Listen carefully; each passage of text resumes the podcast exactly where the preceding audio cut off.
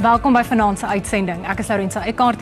Ek staan in vir Waldemar Pelser. Hy is volgende week weer terug in die ateljee.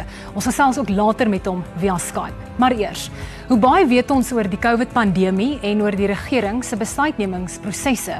Watter data mag en mag nie die publiek bereik nie? Meer en meer mense vra vir groter deursigtigheid. Die hoof van die Suid-Afrikaanse Mediese Vereniging en ook lid van die Ministeriële Advieskomitee oor COVID-19, Dr. Angelique Kutse, sluit by my aan. Dr. Kutse, hoe bekommerd is jy oor die regering se geheimhouding? Ja, daar is um, geen rede vir die regering om geheimhouding in hierdie geval te hê nie. Hierdie is 'n pandemie. Die inligting moet uit, dit moet daar buite wees. En die inligting wat deur die advieskomitee um, aan die minister gegee word, is glad nie snaakse uh, uh, inligting nie, dit is nie geheimsinnigheid nie. Daar is niks nie wat um kontroversieel kan wees nie. Um die dit is nog steeds op die einde van die dag die minister se prioriteit is is 'n um se se keuse of hy hierdie um data wat ons vir hom gee en die advies wat ons vir hom gee of hy dit wil gebruik of nie. So hy's nie verplig nie Maar hierdie inligting is belangrik dat dit moet uitwees daar buite want wat ons sien is dat die mediese advieskomitee se inligting is regtig baie akademies en daar's baie navorsing ingesit. Die die mense wat op hierdie komitee sit, ehm um, so om en by 60 van ons wat uh, uh, dit is verskillende afdelings van hierdie komitee en ehm um, alles baie baie baie kundig. Suid-Afrika het van die mees kundigste mense dink ek in die wêreld veral as dit by gesondheidsorg kom. En ons het baie ervaring. Onthou, ons kom uit uit die Ebola uit waar ons gaan help het. Ons kom uit die HIV uit, ons kom uit die TB uit. So ons het regtig baie ervaring. Maar wat nou gebeur is omdat hierdie hierdie advies van ons en ons het omtrent so hier om en by 70 advies stukke al geskryf vir die ehm um, minister. Ehm um, hierdie advies word dan deur die minister gevat. Ehm um, en dit gaan hoor op. Ek is nie seker presies wat is die volgende ehm um, raad wat sit oor hierdie goed nie, maar ongelukkig Wat dan gebeur is dat byvoorbeeld die departement van onderwys bring sy eie riglyne uit. Die departement van arbeid bring sy riglyne uit. En so duiwel ons nou maar net aan en almal bring hulle eie riglyne uit in, in in steede daarvan laat ons na die mediese riglyne kry want op die einde van die dag is hierdie pandemie 'n mediese pandemie.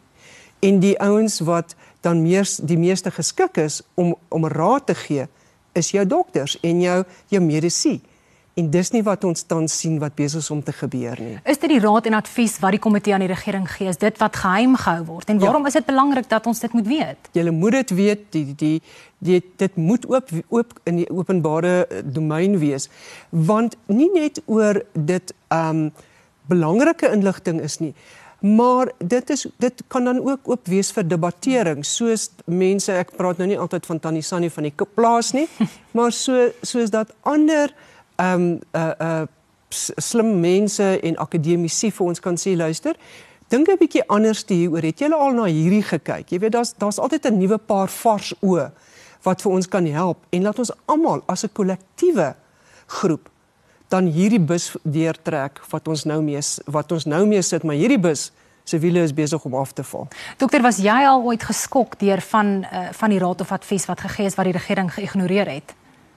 Ja, hulle ignoreer nogal van die raad. Ehm um, wat ons eintlik meer ontstel al is dat daar word deur dan hierdie hoër komitees ehm um, ek weet regtig nie wat is hulle name nie. Ek uh, jy weet dit is nie die COVID komitee nie, dit is 'n ander komitee wat wat dan wat is 'n politieke komitee wat dan op die ou einde besluite neem. Dan word daar gesê dat die advieskomitee dit gesê, maar jy weet dan is dit ons dan sê ons maar ons het nie eers op hierdie goed iets gesê nie. Ons het nie eers ons is nie eers gevra om daaroor te praat nie. So asseblief moenie ons hier insleep in ding in wat ons niks mee te doen het nie. So veral in die begin was daar 'n hele paar sulke sulke voorvalle gewees. Ehm um, dis nou beter, maar soos ek sê, hierdie advies ehm um, moet in die openbare domein wees. Ons moet daaroor kan debatteer. Ons moet 'n uniforme beleid hê. Ons kan nie al die departemente daar buite hulle eie beleid het en en en en, en net maak soos wat hulle wil nie. Want die gemiddelde Suid-Afrikaner is nie dom nie. Hmm. En hulle raak, hulle sit so na hierdie goed en kyk, jy weet, hierdie oom van die plaas sit so en kyk en dan sê hy maar hierdie min, hierdie ministers weet nie wat hulle doen nie. So jy weet jy wat, ek moet nou maar vir myself sorg. So ek gaan nou doen wat ek dink is vir myself reg en bogger die res. En dit is wat ons sien, ehm um, wat gebeur, soos die maskers, al daai goeders wat moet gedra word veral op die ehm um, in in in in die, in die taksies en in die winkelsentrums en al daai goed die mense is nie meer lus daarvoor nie. Ons sien hulle hulle hulle is besig om weg te beweeg en dis regtig 'n gevaarlike ding. Dokter net kortliks speel politiek 'n groot rol dink dink ja. jy in die regering se besluitnemingsprosesse? Ja. ja, ek dink hierdie is baie politiek.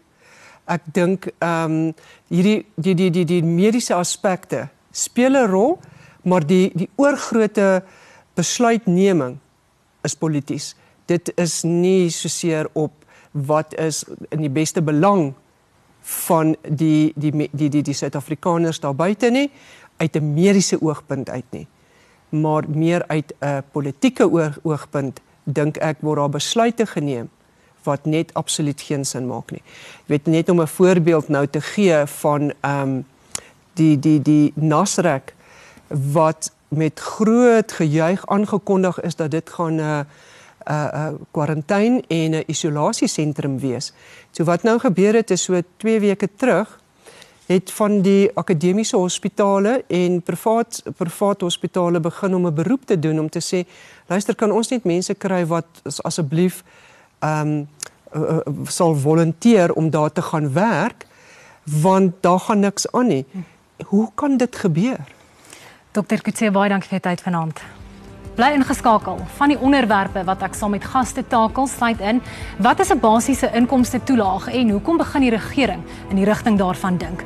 Hoe wyd verspreid is vals profile, rasseaanhitsing en politieke waninligting op sosiale media?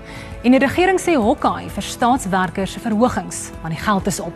Watter dramas kan dit veroorsaak? sien julle net na hierdie advertensies.